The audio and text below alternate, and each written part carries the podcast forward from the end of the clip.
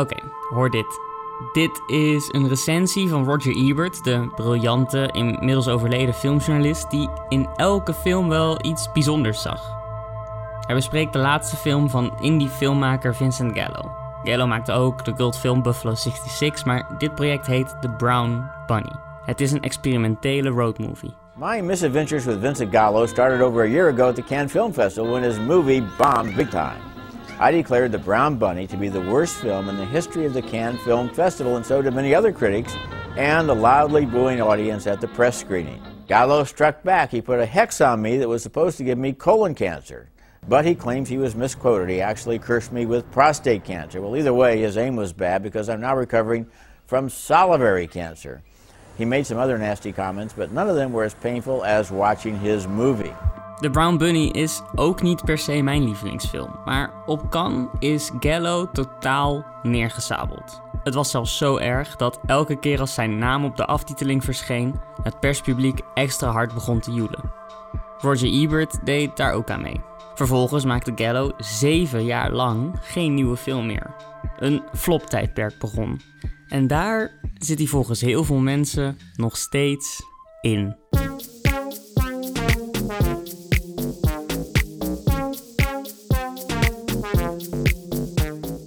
Welkom bij de tweede aflevering van Op de Vijfde Rij in Cannes. Een driedelige podcast van VPRO Cinema en het AI Filmmuseum. Mijn naam is Cesar Majorana en ik wil je deze keer iets vertellen over een niet zo fraaie kant van het filmfestival. Want Cannes is weliswaar een podium waar films heilig worden verklaard, maar het kan voor filmmakers ook echt de absolute hel zijn.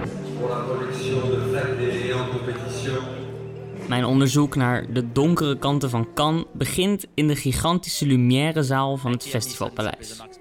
Hier vinden alle gala-premières plaats en dus zit ik met een vlinderstrik die ik een paar uur eerder heb gekocht al in de zaal te wachten tot de sterren vanaf de rode loper de zaal inkomen. Avec Sean Penn, qui devrait recevoir une ovation. Straks vertoont Sean Penn hier zijn nieuwste film en ik hoop, en dit meen ik echt, ik hoop dat hij briljant wordt. Zijn vorige film flopte namelijk en als hij nu scoort dan is dat het einde van zijn flop-tijdperk. Oké, misschien weet je niet wat het betekent, maar flop-tijdperk dat is een term uit de popmuziek. Daarmee benoem je hoe je als ster mindere tijden moet doormaken. Filmmakers hebben ze ook. Zoals Guy Ritchie, die Snatch maakte en daarna met de romantische comedy Swept Away, waar Madonna trouwens een hoofdrol in had, totaal onderuit ging. En Madonna als popster, ja, die heeft er ook een gehad. Die heeft in haar carrière begin jaren 2000 ook een paar albums gemaakt die commercieel niet helemaal lekker zijn gaan lopen. Floptijdperken kunnen enorm vruchtbaar zijn. Maar voor het zover komt, moet het ontzettend, maar dan ook ontzettend misgaan.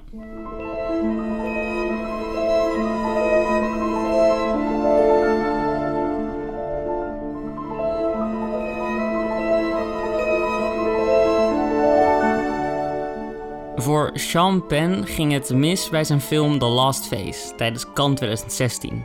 Het is een dramafilm over artsen in de Liberische burgeroorlog. Met titelkaartjes verklaart de film dat het een bloederige crisis is daar vergelijkbaar met de crisis van Zuid-Sudan. En dan, na nog een zwart scherm, zegt de titelkaart dat het ook is zoals de onmogelijke liefde tussen een man en een vrouw. De hele zaal barst in lachen uit. Wat in de film volgt is een cocktail van witte mensen die zwarte mensen redden porno. En een heleboel pijnlijk slechte slow-motion scènes met dode lichamen. De zaal joelt, lacht, vloekt en tiert. En het absolute dieptepunt van de film komt ergens op een derde wanneer een dokter aan het dansen is met een zwarte vrouw en zegt: They stripped her from her vagina to her anus, but she's here with me, dancing. Ja, en nu ik dit voorlees, bedenk ik me weer hoe verschrikkelijk dit is. Wie bedenkt zoiets? We gotta get across the border. It's bad. We are here to help the wounded. We are doctors. Okay, doctors. We are, we are here to help the wounded. Veel mensen lopen de zaal uit. Blijkbaar pikt niemand het om anderhalf uur lang te kijken naar verliefde, rijke Hollywoodsterren die een derde wereldland gebruiken als het decor voor een of ander liefdesdrama. Dr. Liam is an amazing doctor. Bring everything you've got. Let's get to work. you try and get some sleep? I'm not tired. So we're both not tired. Life is hard. You need another person to share it with. Toen ik voor aflevering 1 sprak met Bert Goesen, vertelde hij me dat hij erbij was toen The Last Face flopte. En dat het zelfs zo was dat het pertinent iets heeft veranderd in hoe Hollywoodfilms naar Cannes komen. Ja, bij de vorige film van Sean Penn, die werd helemaal afgekraakt. En dat is, dat is ook de reden waarom de Amerikanen bijvoorbeeld eh, helemaal niet eh, graag eh, films in Cannes eh, willen neerzetten. Want ze, als, ze ze zijn bang als hij dus eh, in Cannes wordt afgekraakt, dat hij dus in Europa niks meer gaat doen. Dus ze zijn enorm bang eh, en ja, ze zijn heel selectief in het, eh, in het afsturen van Amerikaanse films. Zelfs ook de commerciële. De, ja, de laatste jaren hebben ze dan af en toe een grote commerciële film in Disney of zo. Maar dat was vroeger helemaal not done. Dat deed Disney helemaal niet. Want ja, ik bedoel, ja, het, commerciële belang is zo groot voor die films. En, dat ze ja, en, de, en de critici zijn natuurlijk heel kritisch hier. Dat is inderdaad heel- zeker de Franse critici. Ja, ik bedoel, alles wat niet Frans is, is al heel snel niet goed. dus ja, Ja, opvallend eigenlijk. Je kan hier zo hard floppen dat de meeste mensen niet eens meer terugkeren. Maar Champagne gaat dus het tegenovergestelde doen. Hij gaat en terugkeren en dat doet hij ook nog eens in de competitie. En ik kan me alleen maar afvragen, wat denkt die man? Wat, waar zou die op hopen? En daarom wil ik in deze aflevering de anatomie van een flop ontleden. Niet alleen die van Penn, maar ook die van Lars von Trier, die in 2011 in Cannes carrière zelfmoord heeft gepleegd in iets wat de meest spraakmakende persconferentie ooit is geweest. Maar voordat ik zelf de rode loper betreed om te zien wat Champagne gaat doen, spreek ik af met Ronald Simons. En dat doen we vlakbij de rode loper, maar dan net ernaast ergens bij zo'n terrasje met metalen stoeltjes en waar oude jeu de boelen. Ik kwam eh, in 2016 doen eh, eh, mijn werk, dus ik zit in de bioscoop heel veel. Eigenlijk zelden op de, op de vijfde rij, moet ik eerlijk zeggen. Ik ga meestal eh, een beetje op drie kwart zitten, altijd aan het gangpad. En, eh, dus ik kijk eigenlijk meestal naar de competitiefilms en naar de drie grote selecties, dus de drie grote bijprogramma's van Cannes. En dat jaar ging je dus vanzelfsprekend ook naar de Champagne film, want competitiefilm destijds. Zeker, en de verwachtingen waren torenhoog. De, de man had al negen jaar niks gemaakt. Eh, zijn vorige film was Into the Wild. En die vond ik prachtig. En dat was ook echt een bijzondere film, een hele persoonlijke film. En ja, zit altijd, als ik aan Champagne denk, wel in mijn achterhoofd wat hij, dat hij vroeger al een... Hij is begonnen als flop. Shanghai Surprise, een film die hij met Madonna maakte als acteur. Dat, was, dat, was, dat werd echt unaniem, unaniem werd het afgebrand. En toen maakte hij zijn eerste eh, regiefilm. En daar hadden denk ik mensen niks van verwacht. En dat was The Indian Runner. Die ik echt te gek vond. Film daarna te gek. Hij heeft twee films met Jack Nicholson gemaakt. Toen Into the Wild. Echt, als regisseur is hij echt, echt geslaagd. Dus toen hier in eh, de hoofdcompetitie van eh, Cannes eh, draaide met The Last Face, want daar hebben we nu over. ehm, toen zat ik echt, ik had gewoon echt zin in. Maar goed, toen eh, begon de film. Het is zo verschrikkelijk slecht geregisseerd. Eh, hij heeft zijn eh, toenmalige vriendin Charlize Theron heeft hij in de hoofdrol gez- gezet. Javier, Javier Bardem in de andere hoofdrol. En om aan te geven dat het echt een smaakkwestie is. De, de derde hoofdrol, de grootste bijrol, wordt gespeeld door Jean Reno. en die, die man heet serieus Dr. Love in de film. En, dan, en stel je dat eventjes voor met zo'n heel zwaar Frans accent. De heet zegt hij, mijn name is Dr. Love. Niet te doen. Dat het geen IMDb top 100 film is, is duidelijk. Maar zoals Bert ook al eerder zei, de kritieken op Cannes zijn meedogenloos. Hier willen journalisten zich blijkbaar laten gelden. En dat doen ze niet altijd op de meest beschaafde manier. Klopt, en dat begon eigenlijk al meteen. Eh, het zijn altijd grote verhalen in Cannes eh, over films waarin mensen boer roepen. Dat wordt altijd door andere journalisten die hier niet zijn, wordt dat overgenomen. Van oh my god, eh, de nieuwe weet ik wat rijden. En hij werd met boegeroep eh, ontvangen. Dat is heel vaak overdreven, want er roept er één iemand boe en dan gaan journalisten het overnemen. Want zo, zijn eh, veel journalisten. eh, om een beetje stennis te, te schoppen. In het geval van The Last Face van Champagne was het, ik denk echt na 10 minuten begon het boegeroep. Eh, ik heb er zelf aan deelgenomen en dat doe ik echt nooit, want ik vind het echt vet aan zoals je dat doet. Ik heb boegeroepen en echt al vrij vroeg, zeker in de eerste acte. En het eigenlijk, waarom, wat het, het ergste aan de film is, was niet alleen dat het slecht gescript is, want zijn, zijn vriendin in de film speelt, dat, dat maakt mij geen uit. Eh, het is, de film had beter eigenlijk eh, The Whiteface kunnen heten. Want het speelt zich dus af in een Afrikaans land waar mensen worden verpleegd die eh, een oorlogswonde hebben. Maar het gaat totaal niet om die, uh, de, de inwoners van het land. Het gaat alleen maar over liefdesperikelen tussen dus, uh, Theron en Bardem. Uh, het gaat alleen maar om die, om die, om die, om die twee hoofdrolspelers. En de, alles wat er, wat er gebeurt met, met de Afrikaanse inwoners is allemaal op de achtergrond, maar echt op het gênante af.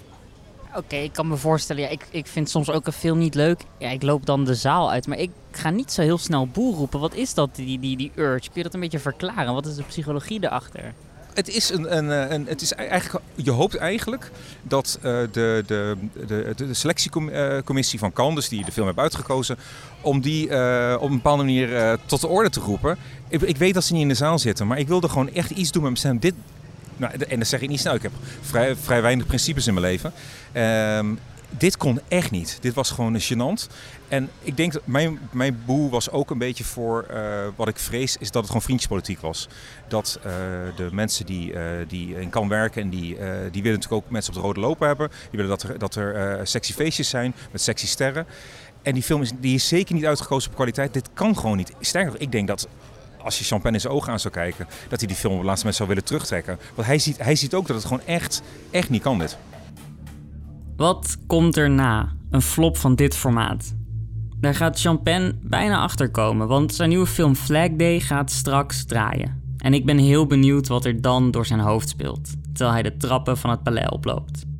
Misschien denkt hij wel terug aan een Deense collega die ook ooit de zwartste dag uit zijn carrière hier op Cannes moest beleven.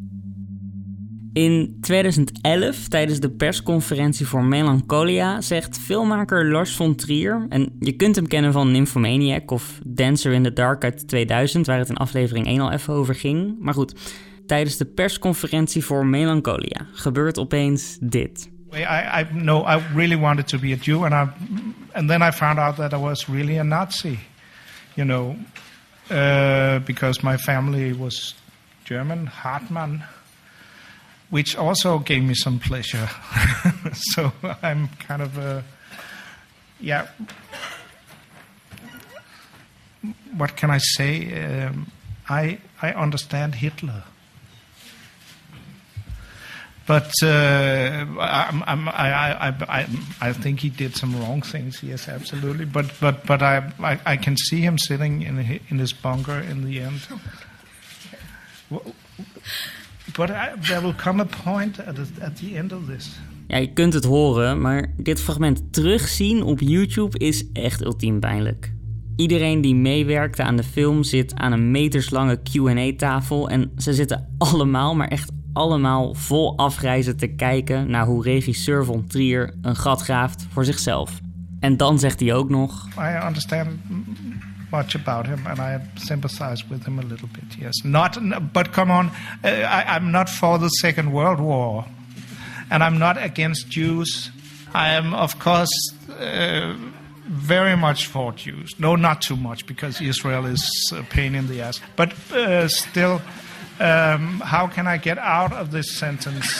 By Zo klinkt de aftrap van een flop-tijdperk. En dat is pijnlijk, maar het is ook mateloos interessant.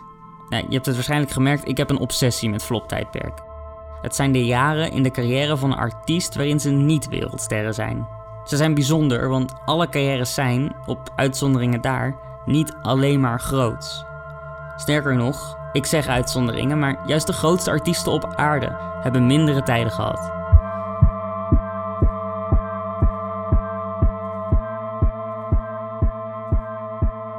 Flopjaren zijn de jaren waarin het grote publiek even geen trek in je heeft. Het dwingt je om je formule heruit te vinden. Het bouwt, zoals mensen dan zeggen, karakter.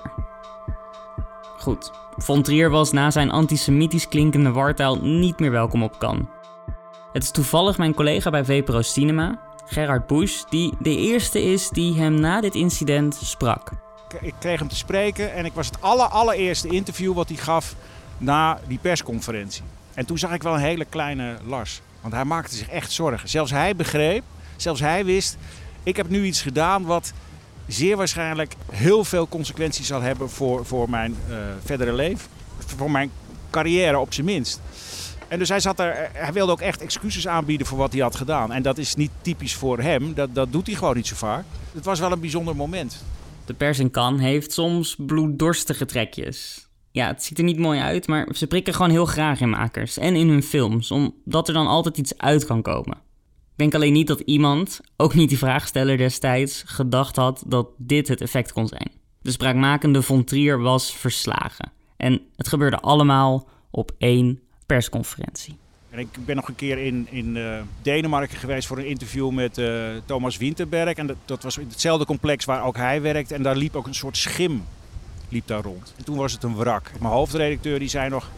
Hadden ze die, die Von Trier überhaupt neer moeten zetten? Dit, want hij kon zelfs aan, aan dat, want die, die paar minuutjes die we daar geschoten hebben... en waar we iets van hebben laten zien... dat het eigenlijk die man had tegen zichzelf in bescherming genomen moeten worden. Dat was best pijnlijk. Want dat, als je iemand met een grote mond ziet verschrompelen tot zo'n hoopje ellende, dat, dat, wil je gewoon niet. Het is heel lang heel stil geworden rond uh, Von Trier. Ja, nou, laten we hopen dat hij nog bezig is. Weet ik eigenlijk niet zo goed. Hij is toch nog teruggekomen, Lars von Trier. En dat deed hij in 2018 met de film The House That Jack Built. Het was opvallend, opeens was hij weer welkom op Cannes, maar de film zelf kreeg echt gemixte reacties. De ene helft van de zaal liep weg en de andere helft die bleef 10 minuten lang klappen. Ik gun het Champagne dat vanavond zijn publiek een stuk minder verdeeld is. Champagne is sinds The Last Phase niet meer in de spotlight geweest als regisseur. Vanavond is dus eigenlijk kort gezegd zijn herkansing. In zijn nieuwste film, Flag Day, speelt hij zelf een hoofdrol. En dat doet hij samen met zijn dochter Dylan Penn. We gaan dus kijken naar een familiewerk. En die boel heeft hij ook nog eens zelf geregisseerd. Nu is het wel opvallend dat die film in de competitie gaat draaien. Dat is iets wat je niet verplicht bent als maker. Je mag ook je film gewoon buiten de competitie vertonen. Ronald van Aai is, net als ik, serieus benieuwd. All eyes are on him. vanavond gaat hij, eh, gaat hij hier in de première. En het is dus nu vijf jaar geleden dat hij hier was. Ik, ik kan me niet voorstellen dat dit een slechte film was. Omdat gewoon iedereen die weet gewoon dat het dat, uh, dat de Last Face zo slecht was. Dus ik denk dat het, ja, dit, dit, moet goed komen. Dus ik denk dat hij, dat hij met een trots gevoel in de zaal zit. Jij denkt, hij stuurt die film in omdat hij gewoon weet van dit wordt mijn redemption. Ik ben, er weer, ik ben weer helemaal terug. Een uh, miljoen mensen en hun moeder die sturen een film in. Dus het is gewoon, kan, de, selectie kan is het filmfestival eigenlijk de plek waar je je film gelanceerd wil hebben. Dus iedereen probeert het. Um, ja, of hij het al maakt. Ik denk niet dat, dat er filmmakers zijn die een film maken uh, waar je natuurlijk jaren aan bezig bent. Omdat je denkt dat je in kans zit. Maar het is natuurlijk het is wel een enorme eer. Maar ik denk dat tussen de selectiecommissie en Thierry Fremont, de, de, de artistiek verantwoordelijke voor, voor de competitie, dat hij wel gewoon extra streng heb gekeken of de nieuwe champagne door de beugel kan. Praten over een film die nog moet gaan draaien is net als praten over eten wat je nog niet hebt gegeten. Ik denk zelf ook dat ze niet zomaar champagne weer toelaten tot de competitie, maar ik ga het pas echt zeker weten over anderhalf uur. De film gaat namelijk beginnen. Dylan et Champagne, main dans la main, qui rejoignent rang avant de présenter leur flag day au monde entier. Faut de masque en hier. Mettez le masque. Ouais, non, c'est bon là. Par contre, pour regarder le film, il faut porter le masque.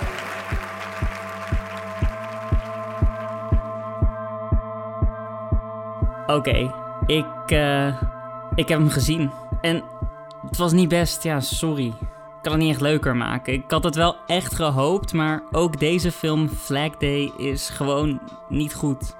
Het rammelt aan alle kanten. Het verhaal is overtrokken en opnieuw maakt Penn een film die te veel over hem gaat en dan nu ook nog eens zijn dochter en niet over het onderwerp. Ja, dat betekent niet dat je hem niet hoeft te zien, hè? Dit is ook maar een mening, de mijne namelijk. Maar ik heb al wel meerdere mensen gesproken die zeiden: het valt deze keer mee. En sommige kranten waren zelfs wel echt positief. Zo kopte The Guardian boven een 4-sterren recensie Champagne shows he's still got it in a tale of unrepentant swindler. Maar bij de persvertoning was de reactie na afloop toch wel echt overwegend negatief. Er werd geen boel geroepen, dus ja, dat is op zich wel winst. Maar als je luistert naar deze reacties uit het publiek. dan hoor je dat Champagne hier niet met open armen weer ontvangen is.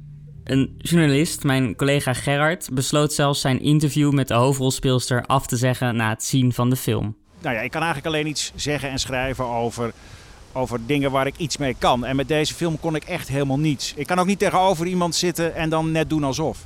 Stel voor, ik, ik, ik stap binnen bij die Dylan Penn.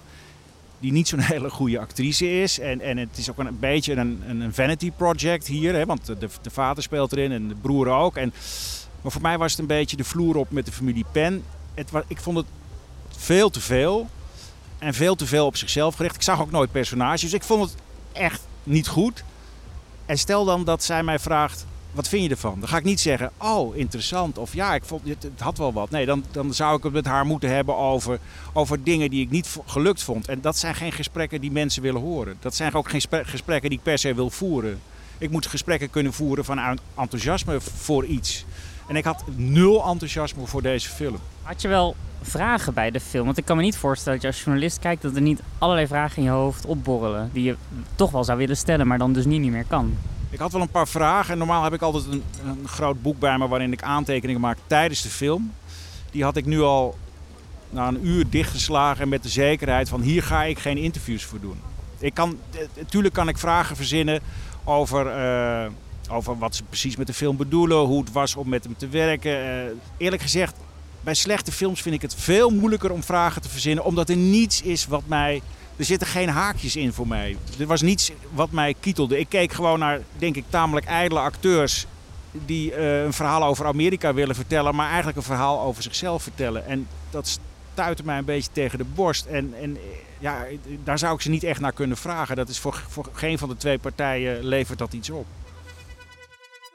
Of deze film nou goed was of niet, je mag het zelf gaan ontdekken. Ik heb in ieder geval wel geleerd dat door de gemixte recensies ook ik me blijkbaar dus kan laten meeslepen door een volle zaal met klagers. Ik heb, en het is misschien een beetje awkward om het toe te geven, maar ik heb dus ook per ongeluk keihard zitten lachen tijdens een scène die wel echt serieus bedoeld was. Het is gewoon ook gek als je weet dat je bij de eerste groep mensen hoort die een film mag zien. Dan ligt alles onder een vergrootglas en is de sfeer in de zaal iets wat je overneemt. Zo voelde het voor Lars von Trier waarschijnlijk ook. Eén misplaatste opmerking en de hele wereld valt over je. Ook omdat ik heb gelachen, zou een journalist prima met de kop champagne uitgelachen op kan kunnen komen. Maar het goede is dat flop-tijdperken meestal voorbij gaan.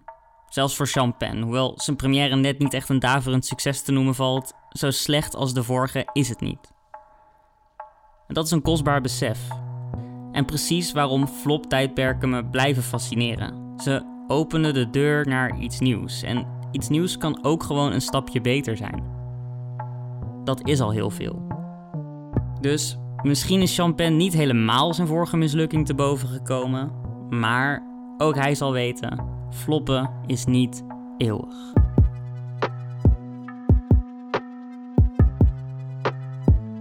Dit was de tweede aflevering van Op de Vijfde Rij in Cannes. Een productie van VPRO Cinema en AI Filmmuseum. Wil je meer zien en lezen over het festival? Ga dan naar vprogids.nl slash kan. En wil je weten welke films Ronald Simons wel de moeite waard vindt? Hou dan de filmagenda van AI in de gaten op ifilm.nl. Deze podcast werd volledig gemaakt, opgenomen en gemonteerd tijdens het filmfestival van Cannes. Dat had ik, Cesar Majorana, niet gekund zonder eindredacteur Jelle Schot, editor Fritjof Kalf en hulp van de fantastische programmeurs van AI, Mila Slingeman, Ronald Simons en René Wolf. De soundtrack, die je nu ook op de achtergrond hoort, is van Julius Jongsma. In de volgende aflevering volg ik twee jonge filmmakers die hun geluk komen zoeken in Cannes. Ze dromen ervan om volgend jaar hun eerste speelfilm te kunnen maken en ik ga proberen ze daarbij te helpen. Wil je die aflevering niet missen? Abonneer je dan zeker op dit kanaal. Bedankt voor het luisteren.